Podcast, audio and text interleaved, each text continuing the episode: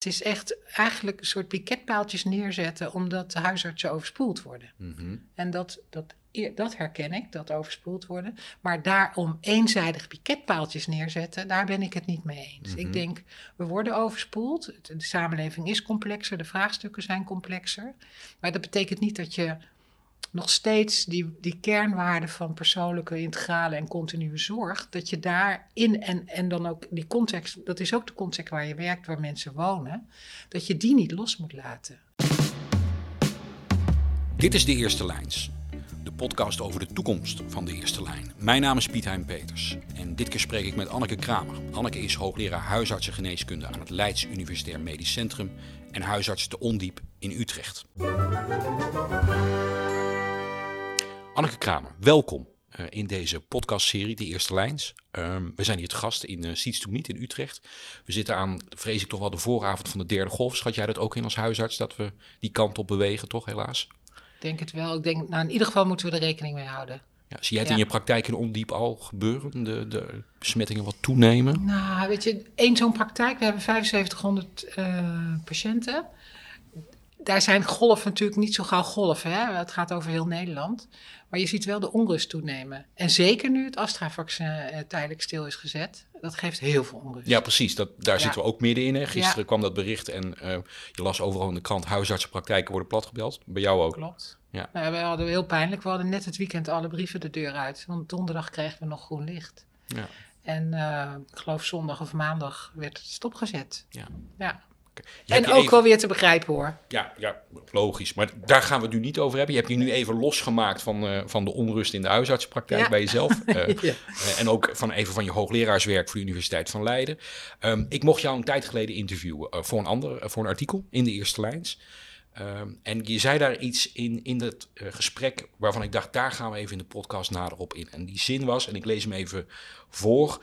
ehm, jij zei dat de huisarts volgens jou aan het terugkeren is naar de integrale basis van de huisartsgeneeskunde. Dus de huisarts keert volgens jou terug naar de integrale basis van de huisartsgeneeskunde. En, en die zin kwam voort uit een gesprek wat ik met jou voerde over de verbinding tussen de geestelijke gezondheidszorg en de huisartsenpraktijk. De zorg voor thuiswonende mensen met psychische problemen. En eh, jij dacht van ja, in die samenwerking die ik zie ontstaan, zie ik eigenlijk een soort, en ik herhaal het nog een keer, terugkeer naar die integrale basis. Even, wat is de basis van de huisartsengeneeskunde? Waar, waar refereer jij dan aan? Ja, het ding is altijd continue persoonlijke en integrale zorg. Ik weet niet of ik je dan voldoende informatie Ja, geef. iets, of- iets, iets, iets, Iets specifieker, concreet, ja. iets, iets specifieker nog. Nou, ik denk continue zorg, dat dat heel kenmerkend is voor de huisarts. Zoals ik bijvoorbeeld zelf zit nu ruim 30 jaar in ondiep. Dus je, je hebt gezinnen zien groot worden, kinderen zien geboren worden, kleinkinderen zien geboren worden. Mhm. En dat hoeft niet altijd 30 jaar te zijn, maar toch wel dat je een aantal jaren met dezelfde patiënten samen doktert, zeg maar. Dat is Mhm. denk ik heel belangrijk. Dus die continuïteit. Ik denk dat dat echt een van de meest waardevolle is. Dat je elkaar leert kennen, elkaar leert vertrouwen, context beter leert kennen. En dat dat maakt dat je ook elkaar beter begrijpt en dus betere zorg kan leveren. Mhm. Integraal gaat over lichaam, geest en zeg maar alles daar en de omgeving. En, Mhm. ook eh, geest en ook omgeving. ja, sociaal. Ja. Dus of biomedisch, sociaal. Of ja, nou, je hebt er allerlei namen voor. Mhm. Maar, eh, of biopsychisch, sociaal. Dus, maar de- dat je echt kijkt niet alleen naar iemands lichaam, maar ook iemands geest. Maar ook hoe iemand leeft thuis, de wijk waarin die woont, het werk wat hij doet. Mhm. Want alles heeft met alles te maken. Dus klachten en problemen hebben altijd met al die dingen ook te maken. Oftewel hoe iemand ermee omgaat of veroorzaakt. En de derde is persoonlijk. Ja, dat is dat je maatwerk levert. Dus dat je echt kijkt, welke persoon heb ik tegenover me? Nou, dat weten, elkaar leren kennen, die continuïteit maakt al dat je veel persoonlijker kan zijn. Maar persoonlijk is ook, we hebben richtlijnen. Maar die richtlijnen zijn ooit gebaseerd op eh, onderzoek in grote getallen en gemiddelde. Maar dit is Pietje of Marietje die voor je ziet. En wat is dat voor figuur? Is die oud? Is die jong? Heeft hij een donkere huidskleur? Eh, woont hij alleen? Al die dingen maken ook weer uit hoe iemand met ziektes omgaat, waar ziektes vandaan komen en hoe je het beste de behandeling kan doen. Het woord context komt ook in me op. Dat, dat je als huisarts voortdurend de volledige context van je patiënt die je tegenover je hebt, Ja. dienstgeschiedenis, biografie, Ja. dagelijkse omgeving, Ja. Ontwikkelde relatie door de jaren heen, dat dat voortdurend Ja. meeweegt. Dat dat bij die basis hoort. Ja, en, en, en die context is natuurlijk ook tegelijk een heel breed. Je omschrijft het goed. En het is, voor in mijn ogen, maar het is ook een heel breed begrip. En ik denk soms wel dat, dat huisartsen denken dat zij de enige zijn die die context kennen. En ik denk dat bijvoorbeeld iemand van de wijkverpleging hele andere stukken context kent, die ook heel belangrijk zijn. Dus daar klinkt ook iets in door over het belang van samenwerken. Precies. Waar we het wellicht verderop in Ja. dit gesprek nog over gaan hebben. Je zegt in dat citaat wat ik aan het begin aanhaalde, we keren daarnaar terug, naar die basis. Eh, ehm, waar, waar zitten we dan nu met de huisartsengeneeskunde als we blijkbaar op weg terug zijn, volgens jou? Waar zijn we terechtgekomen? Ik, ik moet heel even op jou, op die zin ook wel reflecteren. Ik zie bewegingen waarin we teruggaan. En ik denk dat het nodig is dat we teruggaan. Mhm. Ik zie binnen de huisartsgeneeskunde ook bewegingen die niet teruggaan. Dus er is maar. discussie, om het maar even neutraal te discussie. zeggen. Ja, en, ehm, eh, maar jouw vraag aan mij was waar ik het aan zie, hè? Die, Ja. die, eh, of met name, waar komen we vandaan? Jij Oh ja, zegt we keren terug, dus dat Ja, betekent dat ja, we ja, ja. Waar komen we vandaan? Ja, nou ja, de, de huisartsgeneeskunde is de afgelopen jaren een ja, sterkere wetenschap, heeft een sterkere wetenschappelijke onderbouwing gekregen. Dus de rol van eh, wetenschappelijke kennis en van richtlijnen is veel groter geworden dan toen ik ruim 30 jaar geleden begon.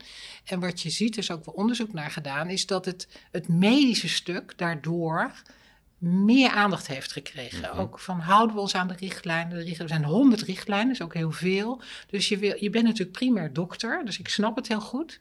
En, en je wil het als dokter ook goed doen. Maar het heeft, ik denk, is wel ten koste gegaan voor de andere kanten van ons vak. Dus meer aandacht voor de context en de persoon Het sociale. en het sociale. Mhm. Ja, en eh, dat is één de, waarom we zeg maar weggegaan zijn van die ken. Die Dus de ken ontwikkeling van de medische wetenschap, zou je kunnen zeggen. precies. En de andere is denk ik de complexiteit van de zorg. We hebben het in Nederland ongelooflijk complex gemaakt. Mede door de marktwerking, Mhm. waardoor er niet één GGZ-instelling is, maar we hebben er wel met tien te maken en elk jaar komt er een nieuwe bij. Dus je bent ook heel erg bezig, veel meer bezig. Wat is nou eigenlijk mijn sociale kaart, zeg maar? Wat zijn belangrijke mensen met wie je kan samenwerken? Dat gaat veel minder vanzelfsprekend. Mhm. Dus je hebt niet één wijkverpleegkundige die je kent, waarmee je even kan bellen en dingen kan dealen. Maar je hebt verschillende wijkverpleeg- of thuiszorginstellingen. Dus je moet eerst weer nadenken, welke is het? Dus je bent ook veel meer tijd kwijt om die, ja, om, om alle parts met wie je samenwerkt, om daar goed mee te kunnen samenwerken. Dus er is organisatorisch gezien ook geen basis meer, zeg maar, waar je vroeger een, een aantal duidelijk identificeerbare Ja, partners had, waarmee je ook weer die langdurige relatie kon opbouwen. Ja, zeg jij nu, het is veel Ja. eh, ja, complexer is het woord dat je gebruikt, eh, ingewikkelder en minder duidelijk geworden voor huisartsen. en meer, ja, dat. En, en ook door de toename van eh, specialisatie. Dus binnen de thuiszorg heb je de oncologieverpleegkundige, de diabetesverpleegkundige, nou, de gewone thuis. Dus alles specialiseert zich. En omdat wij generalist zijn, heb je dus al die specialisaties krijg je ook mee te maken. Ja. Of kan je mee te maken krijgen. Dus, dus je zit in een soort, de huisartsen zijn in een soort medische tunnel terechtgekomen. Ja, een medische en een ehm, organisatorische. En is dat, dat is misschien niet gelijk een tunnel, maar meer een soort wijsheid die, Ja. die te groot is. Wat je Ja, de, precies. Het medisch is meer de tunnel, de Mhm. blik. Maar ook wel, in, in die zin, die organisatorische tunnel wel, is dat je heel erg bezig bent met organiseren en regelen en doen. En veel minder met de inhoud. Ik hoor jou zeggen, in, in jouw eerste zinnen, in antwoord op mijn vraag, waar vandaan we dan terugkeren, hoor ik je gelijk zeggen, ik ben ervoor dat we terugkeren naar die integrale basis, naar dat persoonlijke, naar dat continue. Ehm, waarom ben je daarvoor? Ehm, omdat ik echt de meerwaarde zie van die relatie tussen de huisarts en de patiënt, die elkaar wat langer kent. De huisarts die ook wat meer van die patiënt kent, van zijn Mhm. context. Eh, het effect wat dat heeft op de zorg die je levert. Het geeft voor eh, patiënten veiligheid, vertrouwen. ehm, en voor de huisarts geeft het dat je veel meer dat maatwerk kan leveren. Ook een En- gevoel van kwaliteit bij huisartsen zelf, Ja. dat je grip hebt op, op, op de Ja. situatie. Ja, en, en, en, en denk ik recht doet aan de waardes van ons vak. Dus eh, de integratie kan maken van al die ingewikkeldheid die er om zorg en, en, mensen heen is, dat je weer dat kan verbinden met die persoon wat die nodig heeft in haar of zijn context. Ja, en, en de afgelopen jaren, misschien wel decennium, decennia, werd er heel erg getrokken daaraan vanuit die medische koken, wat je net beschrijft, dat je zegt, daardoor zijn we ehm, eh, van die kwaliteit afgedwaald. Ja, ik heb, ik heb het idee dat het minder een, een, een item is in, in, bij mijn vakgenoten, zeg maar. Als je ook kijkt naar continuïteit van zorg, uh, jonge mensen kiezen er vaak voor om geen praktijkhouder te worden. En om allerlei goede redenen. Dus het is ook niet een kritiek. Dat heeft ook weer met maatschappelijke omstandigheden te maken. Maar het effect is wel dat je veel meer discontinuïteit ziet. We zijn ook allemaal parttime gaan werken. En mensen klagen er ook over. Zeker mensen die wat kwetsbaarder zijn en wat afhankelijker wellicht van die huisarts. Um, want ik denk dat je als huisarts ook een mooie brug bent tussen mensen en de complexiteit van de zorg. je, mhm. zit hem, je zit, deels zitten wij in de leefwereld van mensen, we zitten in de wijk. Deels hebben we natuurlijk ook enorm toegang tot de zorg. Dus je bent, ja, die waarde heb ik eigenlijk in het begin niet gezegd. Die hoort ook niet bij onze kernwaarden. Maar ik vind het wel een hele belangrijke rol van huisarts. Dat je een soort brugfiguur bent tussen de leefwereld van de mensen en de, leven en de zorg. Nou, nou vind ik het interessante, in de eerste minuten van dit gesprek dat we met elkaar voeren, noem jij nu uh, om te beschrijven waar we vandaan komen, een aantal argumenten.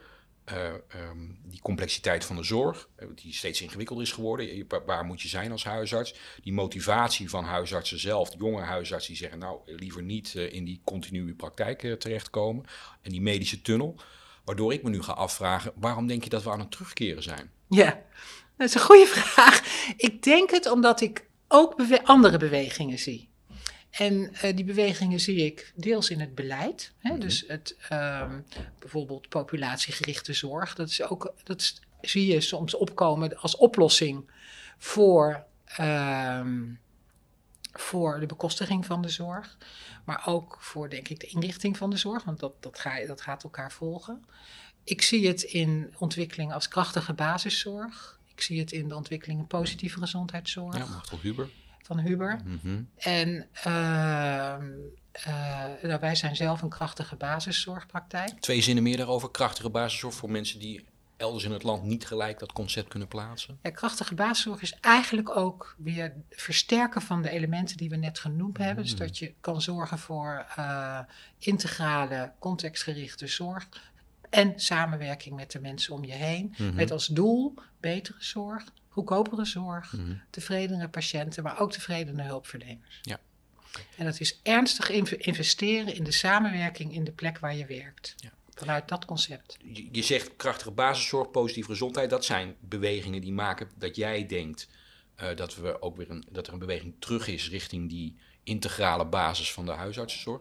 Nou zeg je ook, uh, ik zie wel discussie. Uh, waar, gaat die discussie, is dat, waar zit die discussie tussen wie? Als het gaat om die botsende bewegingen in de ontwikkeling van uh, de huisartsenzorg? Ja, ik zie discussie binnen mijn eigen beroepsgroep. Mm -hmm. uh, we hebben onlangs onze kernwaardes hernieuwd. Is dat de, de roemruchte Woudschoten-conferentie? Ja, ja, precies. En dus die persoonlijke integrale en continue zorg, daar is nu het aspect samen aan toegevoegd. En ik denk dat dat een hele woord, waardevolle is. Mm -hmm. Maar uh, het, de, zeg maar de, de, de generalistische, want het heet geloof ik generalistisch, continu en persoonlijk. Daar is medisch aan toegevoegd. Mm -hmm. Dus om wel echt aan te geven, wij zijn van het uh, medische, uh, van het medische. Mm -hmm. Zo ik denk, ja, we zijn generalist. Is dat, het, is dat, is dat waar, waar de discussie binnen de huisartsen zit? In de ja. mate waarin je jezelf het medisch als kern beschouwt en hoe, hoe, vervolgens hoe je die kern afschermt, zeg maar, om te zorgen dat je niet te veel opgericht Precies. wordt. Gaat het daarover? Daar gaat het over dat laatste. Hè? Het is echt eigenlijk een soort piketpaaltjes neerzetten, omdat de huisartsen overspoeld worden. Mm -hmm. En dat, dat, dat herken ik, dat overspoeld worden. Maar daarom eenzijdig piketpaaltjes neerzetten, daar ben ik het niet mee eens. Mhm. Mm -hmm. Ik denk, we worden overspoeld. De samenleving is complexer, de vraagstukken zijn complexer.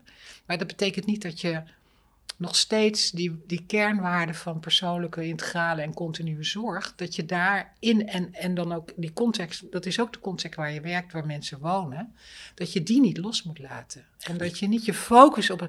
Natuurlijk zijn wij dokters, Mhm. dus je moet ook jij moet ook wel kunnen blijven dokteren. Je bent geen je- sociaal werker, zeg maar. Nee, maar je kan juist goed dokteren door te zorgen dat je om je heen, het zo, dat het zo goed georganiseerd is dat als iemand bij mij komt met eenzaamheidsproblematiek, Mhm. dat ik niet de buikpijn van de eenzaamheid moet behandelen, maar dat ik weet, deze vrouw, ik, ik kom erachter dat er eenzaamheid speelt en dat ik weet dat er in mijn wijk aandacht is voor eenzaamheid. Of dat ik weet waar ik naartoe kan als iemand daar last van heeft. Nou, en belangrijk natuurlijk stress en schulden, is een hele grote bewegen. Mhm. En wellicht speelt het in achterstandswijken ook meer. Hè. De wijk waarin ik werk is ondiep. Ja. Dat is echt een eh, volkswijk met veel achterstandsproblematiek. Mhm. Waarin je dus ook heel veel juist van die context op je bordje krijgt in je spreekkamer. Kun je dan wel. Even, ik ga even aan de andere kant zitten van die discussie. Hè? En die huisartsen die zeggen dat gevoel van overspoeld worden. Kun jij iets meer zeggen over wat is dan die. Waar komt die overspoeling dan vandaan? Zeg maar. Ja, het is een raar woord eigenlijk. Ik weet niet eens of het een woord is, overspoeling. Maar Nee, dat gevoel te van veel. te veel. Ja. En, en ehm, waar, waar zit dat dan in? Want dat, ik, het lijkt mij een reëel argument en het lijkt me ook een terechte reflectie om te denken, dan ga ik zelf eh, wat deuren eh, dicht Ja. doen, zeg maar. Ja. Nou, de teveel komt, denk ik, dat we nog steeds te grote praktijken hebben en te weinig tijd per patiënt. Mhm. We hebben nog steeds, worden we, is het hele systeem ingericht op 10 minuten en 2200 patiënten per fulltime dokter. Mhm. Terwijl ik denk, het werk wat er rondom patiënten is, is echt enorm toegenomen. Doordat we meer kennis hebben. Dus, nou ja, die 100 richtlijnen, ik noemde ze al. Er is Mhm. nog een verschil of je geen één richtlijn hebt of 100. Dus bij klachten moet je ook goed kijken, wat is de evidence? Dat vraagt meer tijd. De complexiteit van de samenleving is toegenomen. Dus ook de context en hoe die een rol speelt bij mensen hun klachten en problemen en hoe ze daarmee omgaan, is groter geworden. Het veld is complexer geworden. Ja. Hè? Die specialisatie hebben we al genoemd, Ja. de marktwerking. Mhm. Dus dat leidt allemaal tot, ja, zeg maar, dat je niet iemand komt binnen met een, een snotneus en, en je zegt, nou oké, hè, dit moet je doen. Dan ben je ook echt in 10 minuten klaar. Maar die problematiek krijgen we helemaal niet meer. Nee, Want niet. mensen hebben inmiddels ook wel allemaal thuisarts ontdekt. En dat he- hebben ook bewezen dat mensen met zware problematiek naar de dokter gaan. Want die gewone dingen kunnen mensen zelf nu wel vinden op Ja. internet. Ja. Of we hebben ze al wel opgevoed daarin. Dus je, je problematiek is zwaarder. De vergrijzing, laten we die niet vergeten. Ik bedoel, 10 minuten en je bent 80 en je, of 85 en stram. En je moet je uitkleden omdat je ik longen wil luisteren. Je hebt nog niet Dus eens, die- je hebt nog niet eens wat gezegd dan. Nee. Dus die 10 minuten al om. Dus, die, dus dat maakt dat je gewoon meer tijd nodig hebt per patiënt. En we hebben het nog steeds dat systeem ingericht op 10 minuten. Dus het, dus het beroep is uitdagender geworden. En daar schets jij een aantal facetten van, van die uitdaging. Ehm, ehm, en tegelijkertijd zeg jij, ja, en toch moeten die waarden van de huisartsenzorg, van die basis van de huisarts, continuïteit, persoonlijk, integraal, die moeten vertaald worden naar deze tijd. Dat hoor ik je dan, Ja. dat hoor ik je dan zeggen. Ja. In plaats van Ja. dat we dan maar zeggen, dan maar even wat minder continu en wat minder persoonlijk. Precies. Dat, dat, die, die Precies. stap wil je zeggen, die discussie wil je voeren. precies. Precies. Oké. En, en nog één keer, wat krijg jij dan als jij daarover met collega's discussieert? Wat krijg je dan vervolgens als weerwoord? Als je zegt, maar jongens, we moeten toch die, die waarden overeind houden. Dus het is allemaal ja te knikken natuurlijk, inderdaad. Want aan waarden durft meestal niemand te komen, dat is belangrijk. Ja. Maar toch, waar zit het weerwoord dan nog op Anneke Kramer vanuit die, in die discussie? Ja. De reflex is dat wij toch een soort veredelde maatschappelijk werkende zijn.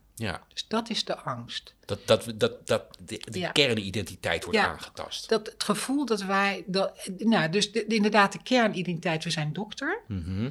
En de angst dat je een soort maatschappelijk werkende bent als je te veel die, die context en, en noem maar op meeneemt.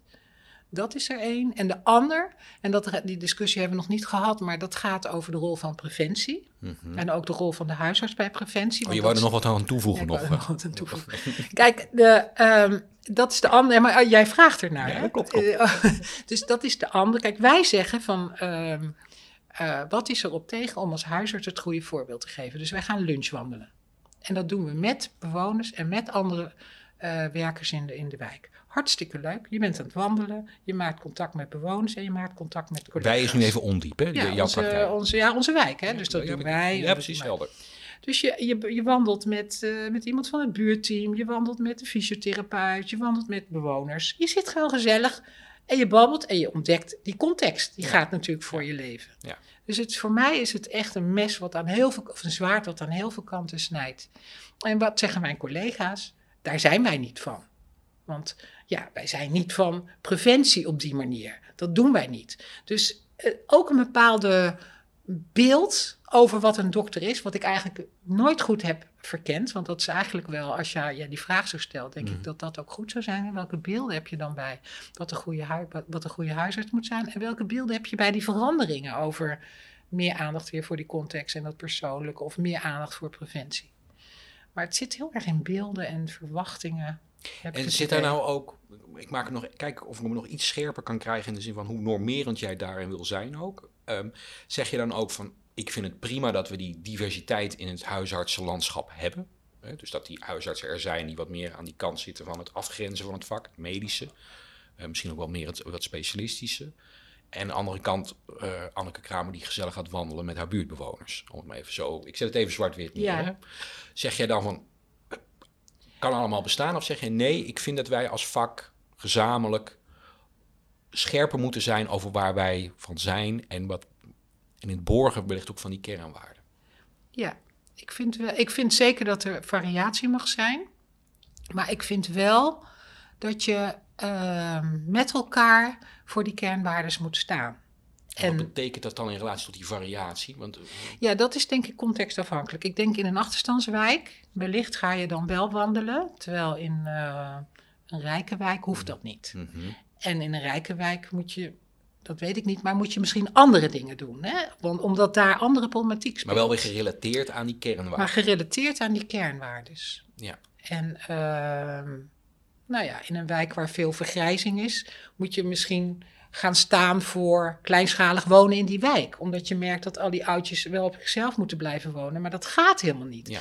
En nou ja, dus iedere wijk of iedere ja, populatie vraagt wel om aparte dingen. Iedere huisartsenpraktijk vraagt zijn eigen Ja, vertaling van die drie waarden. En dat je kijkt welke rol je daar als huisarts daar vervolgens in pakt. ja. ja, dat. En ook, hoe hou je het behapbaar dat het ook kan?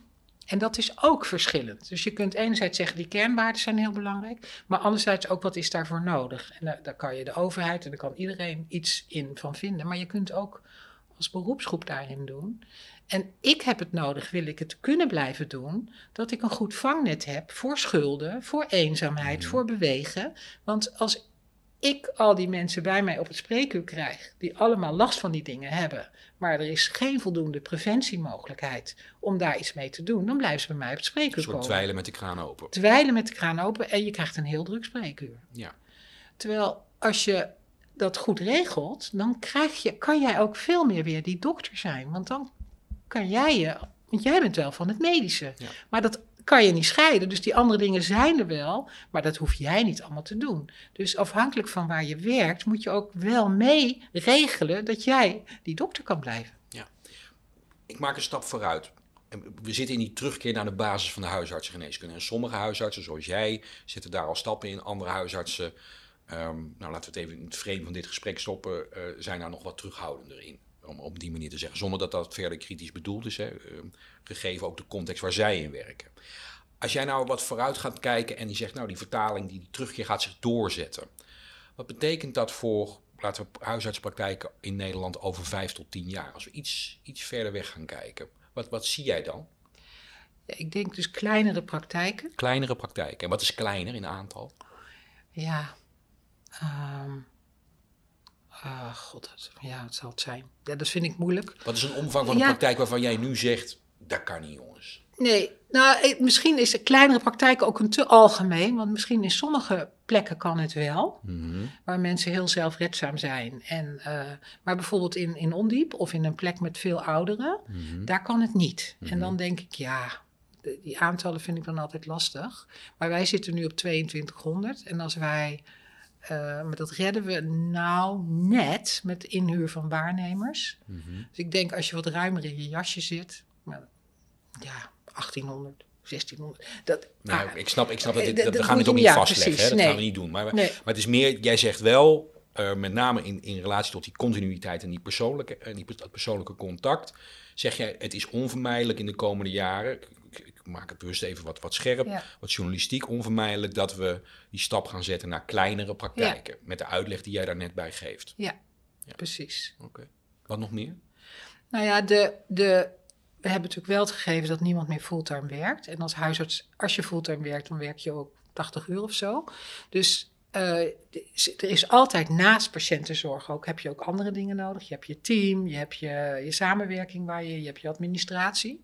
Dus ik denk ook wel dat we uh, goed moeten kijken hoe we die continuïteit kunnen inbouwen met, uh, zeg maar, niet één dokter, maar met een team ja. van mensen. Ja. Want je ziet ook een beweging hè, van praktijkondersteuners, physician assistants, zie je allemaal ook in die huisartsenpraktijk. Ik denk dat we daar ook niet te ver in door moeten gaan. Dus dat je daar op een gegeven moment ook in moet stoppen. Dat je als huisarts... Wanneer denk jij, dan gaat het te ver? Of nu gaat het te ver? Um, uh, nou, je moet ervoor waken dat, dat jij bijna geen patiënten meer ziet. Dus dat je de, uh, alleen nog maar je personeel aan het aansturen bent. Je POH, je physician assistant. Een soort manager geworden bent. Ja, want ik denk dat, dat je mensen jou altijd... En bijvoorbeeld als alle kleine kwalen naar de physician assistant gaan, alle diabetes naar de diabetesverpleegkundige, alle mensen met COPD, dan mis je ook een stukje continuïteit. Want een kleine kwaal ja, is ook weer een moment van contact. Contact en van verhaal. En van verhaal, precies. En ik, ik, nou, je kunt ervoor kiezen, maar dan bewaak dat je echt als team wel blijft functioneren. Dus op het moment dat iemand dan bij de POH komt, dat die POH dan wel goed kijkt wat speelt er eigenlijk. Is hier net iemand overleden? Kan ik daar even op doorvragen? Of mij even informeert als er belangrijke informatie is. Mhm. Dus hoe complexer je het organiseert, hoe meer je ook vraagt van het team om die continuïteit te organiseren. Mhm. En ik zou ervoor zijn, voor zijn om het niet te complex te maken. Het heeft ook weer met dat kleine te maken, denk ik. Hè? Ja. Dat, dat, want hoe groter, hoe complexer. hoe complexer. Denk je toch? Ja. En uh, dus dat, dat, dus ik denk als je iets kleinere praktijk hebt, kun je wellicht ook iets meer zelf. Uh, nou, dat vind ik een belangrijk. Dus hoe ga je ook als team je continuïteit organiseren? Ik weet niet of je dan een grotere Je kan wel in grotere gezondheidscentra gaan werken, maar dat je dan wellicht met subteams gaat werken. Zodat je op een aantal overhead dingen wel weer de grootschaligheid kan hebben. Van doktersassistenten, als er iemand ziek is, dat je makkelijk kan invallen. Maar eigenlijk daarbinnen kleine hubs, om maar ja, even een fijn modern ja. iets toe ja, ja, ja, woord te gebruiken. uh, waarbij, je, waarbij je gewoon zegt, nou, maar da daarbinnen heb je eigenlijk een aantal kleine praktijken waar een, een, een, laten we zeggen 1500 patiënten binnen een context ja. van een paar professionals goed geholpen worden. Die elkaar, die als team functioneren. Ja, zoiets. Ja. Ja. Oké. Ja. En, en vraagt het andere competenties? Want jij leidt ook huisarts. Tenminste, daar denk je over na, over het, opleiden van huisartsen. Daar daar ben je ook voor verbonden aan de Universiteit van Leiden. Betekent dat ook in, in die terugkeer naar de basis van de huisartsengeneeskunde? Tegelijkertijd in een nieuwe tijd. Want het is niet dat we teruggaan naar 1970, zeg maar. Dat zeker niet. Maar betekent dat, betekent dat deze schets die jij tot nog toe geeft, dat het andere competenties vraagt van huisartsen? Ik denk dat, dat de nadruk weer wat meer op de kernwaarden moet komen in de zorg. Dat, Mhm. dat, dat het, eh, dus of het dan andere Dat is competenties dus niet anders, dat is meer Nee, maar ik, ik, bewustzijn. ja, maar wat je wel ziet in de huisartsopleiding is, eh, nou, er is zeker heel veel aandacht voor communicatie. En er is veel aandacht voor eh, medische onderwerpen. En ik denk dat de aandacht voor organisatie, samenwerken, leiderschap, maatschappelijk handelen, dat die wel wat groter kunnen. Maar daar ben ik geen dokter voor geworden. Ja, maar het hoort wel bij onze opdracht. Het zit ook gewoon in de opleiding. Maar wat je ziet gebeuren is dat, dat de focus toch wel heel erg gaat op dat dokteren in die spreekkamer. En, eh, en dat is op zich ook heel goed. Maar juist omdat je, nou, die, die ontwikkeling die we al schetsten, hè, die context waarin ook andere hulpverleners een rol spelen, de wijk ja. enzovoorts. Daar heb je die samenwerking, leiderschap, maatschappelijk handelen, vaardigheden in nodig. Ja. En, ehm, dus ja, ik heb het in mijn oratie ook wel genoemd. Je moet goed kunnen dokteren in de spreekkamer, maar Ja. je hebt ook competenties nodig voor buiten de spreekkamer. Wat je wel schetst, hè, als zo vooruitkijkend naar eh, vijf tot tien jaar van wat, wat, wat je als ontwikkeling ziet. Het is wel ook voortdurend wrijving. Het is voortdurend Ja. een spanningsveld tussen verschillende eh, behoeftes eh, eh, ehm, binnen en buiten. eh, ehm, de persoonlijke behoeften als jonge arts met een eigen leven en niet meer dat 24-7 idee willen. En tegelijkertijd de relatie met die patiënt. Dus het is, het is, Ja. het is ook, het is hoe dan ook een, eh, gespannen allemaal. Ja. Ja, zeker. Het is, nou, het, het, en je, je moet misschien ook niet altijd denken in termen van één persoon en altijd. Dus, uh, die romantiek. Ik, ja, wat ik heel mooi vind in onze praktijk, we hebben nu, uh, nou, de oudste twee maten, die gaan binnenkort met pensioen.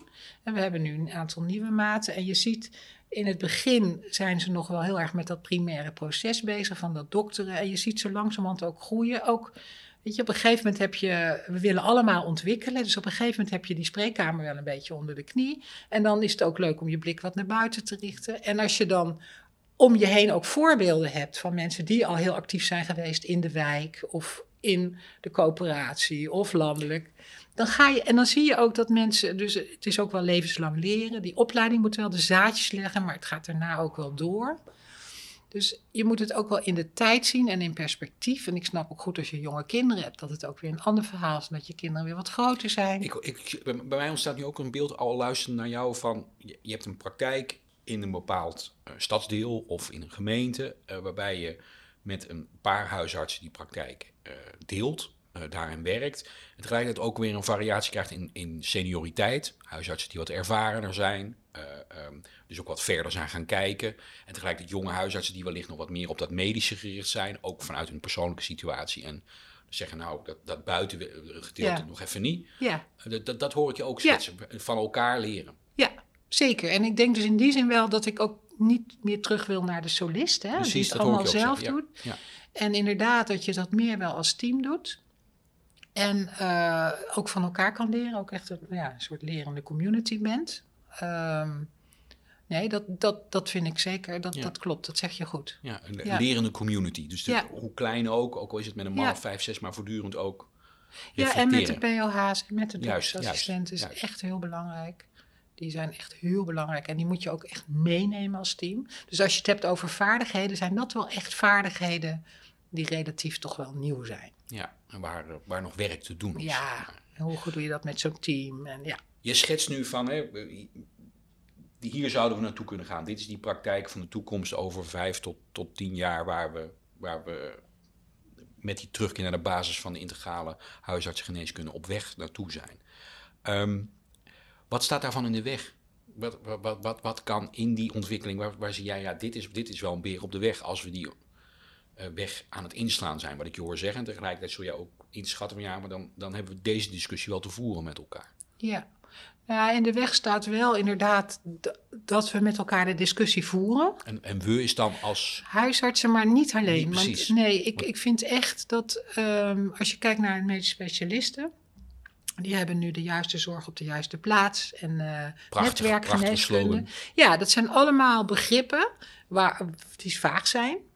Ehm, maar ik, wat ik wel bij hun zie, is dat ze wat meer omgevingsgericht zijn en het gevoel hebben van er zijn ontwikkelingen gaande en dit moet het antwoord zijn. En, en wat ik zou willen is dat we met elkaar kijken wat het antwoord moet zijn. Hè? Dus wat de rol van de eerste lijn is, wat de rol van specialisatie is, wat de rol van de wijkverpleging is of van de verpleging überhaupt. Hè? Dus de, de, de, dat we echt goed de, de rol van, van de nulde lijn of Dus van de klassieke medische hiërarchie kan een beetje in de weg gaan staan. Dat die specialisten in het Nou, wellicht. Ja, dat, dat zie je Ja. als, een, als een dreiging wellicht. Nou, ik, Zwaar? nou ik, ik, denk, ik denk dat, als je zegt wat belemmert, ik denk dat als huisartsen veel meer vanuit dat perspectief het gesprek aangaan. Mhm. Dus de, uitda- de handschoen van de specialisten oppakken. En, en terugkomen met, of reageren met hun waardes. Maar ook in een nieuw jasje. Dat, dat je dan wel het goede gesprek kan hebben. En als je daar ook nog mee de thuiszorg neemt of de verpleging of nou andere belangrijke spelers in de zorg. de- en dat je het ook echt interprofessioneel gaat doen. Dan, eh, nou ja, dat, dat, ik zie daar een belemmering, want dat is super moeilijk. Interprofessioneel is gewoon super moeilijk. Mhm. Je zit allemaal in je eigen bubbel. Je hebt allemaal je eigen normen en waarden. En je moet Beelden van elkaar. en beelden en, en noem maar op. En het vraagt gewoon tijd om, om vanuit de patiënt naar de oplossing te kijken en niet vanuit je eigen vak. Mhm. En dat vind ik dus een belemmering. Dus dat gesprek. Dat, Is een, dat leg je duidelijk uit. Is er nog een andere? Dat je zegt, daar, daar maak ik me ook wel zorgen over. Of daar kijk ik kritisch naar. Financieel, organisatorisch, overheid. Ik, ik, Ja. Hoe Nou ja. wat dingen op in? Ja, blijft kijk, iets plakken? Ja, ik, ik zou heel fijn zijn als ik zou heel blij zijn als er minder marktwerking in de zorg zou komen. En dat er als je het hebt over de praktijk van de toekomst, dat er ook veel meer gekeken wordt naar wat heeft deze wijk nou nodig.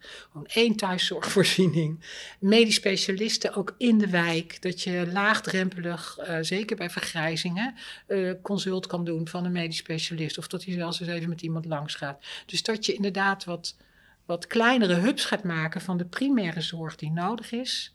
En niet te veel gespecialiseerd. En dan kun je altijd groter opschalen als het nodig is. Mhm. En dat hoef je dan niet wijkgericht te doen. Ja. Dus, dus die complexiteit echt een beetje uit de zorg halen. Ja, en dus ook die, die, die, die prikkel van die marktwerking die die complexiteit veroorzaakt. Met al die partijen die denken, oh, dat kan ik ook gaan doen, ik ga concurreren. Dat staat in de weg van die ontwikkeling waarvan jij zegt, die kant gaan we op met een paar ontwikkelingen. Uh, maar daar zijn we nog niet en, en, dit kan daar een hindernis in zijn. Ja. Laatste vraag die patiënt, want daar hebben we het relatief weinig over gehad. We hebben heel veel gesproken over de ontwikkeling van de huisartspraktijk in de toekomst en die waardes. Even terug nog. Ehm, stel, we, komen in die nieuwe huisartsenpraktijk terecht. Dat gaat lukken in de komende vijf tot tien jaar. Dus uh, over vijf tot tien jaar kijk jij tevreden om je heen in het huisartsenlandschap. Wat heeft die patiënt daaraan gehad? Wat heeft die patiënt daar op dat moment aan? Die patiënt heeft eraan dat hij een vertrouwd team om zich heen heeft. Dat hij niet hoeft te vechten aan de telefoon. Dat hij echt graag zijn eigen dokter wil. Mm Wat nu vaak moeilijk is, omdat het vol zit of om weet ik wat allemaal. Uh, die patiënt die. Uh, ik nou, daar hebben we het niet over gehad, maar ik denk als je kijkt naar de toekomst, dan moet die patiënt ook meer betrokken worden bij de inrichting van de zorg. Maar als mhm. je natuurlijk meer tijd hebt, kleinere praktijken, kun je wellicht daar ook meer in investeren. Mm die patiënt heeft een zorg die, uh, en dan kijk ik niet op individueel vlak, maar meer op uh, maatschappelijk of sociaal vlak, een zorg die betaalbaar is. Want dat is ook wel uit onderzoek gebleken. Als je die principes van de huisartsgeneeskunde toepast, dan levert dat wat op. Dan levert dat ook wat op in kosten case. van. Ja, het is een goede business case. Zowel preventief als qua kosten. Ja. Uh, dus de patiënt krijgt ook een, een solidaire, nou ja, solidaire zorg blijft dan mogelijk mogelijk. Dus uh, dat levert het de patiënten op in Nederland, zeg maar. Dus, dus voor zover je als patiënt gelukkig kunt zijn, een gelukkig, gelukkiger patiënt dan nu? Ik denk het wel. Ja, oké. Okay. Anneke Kramer, dankjewel.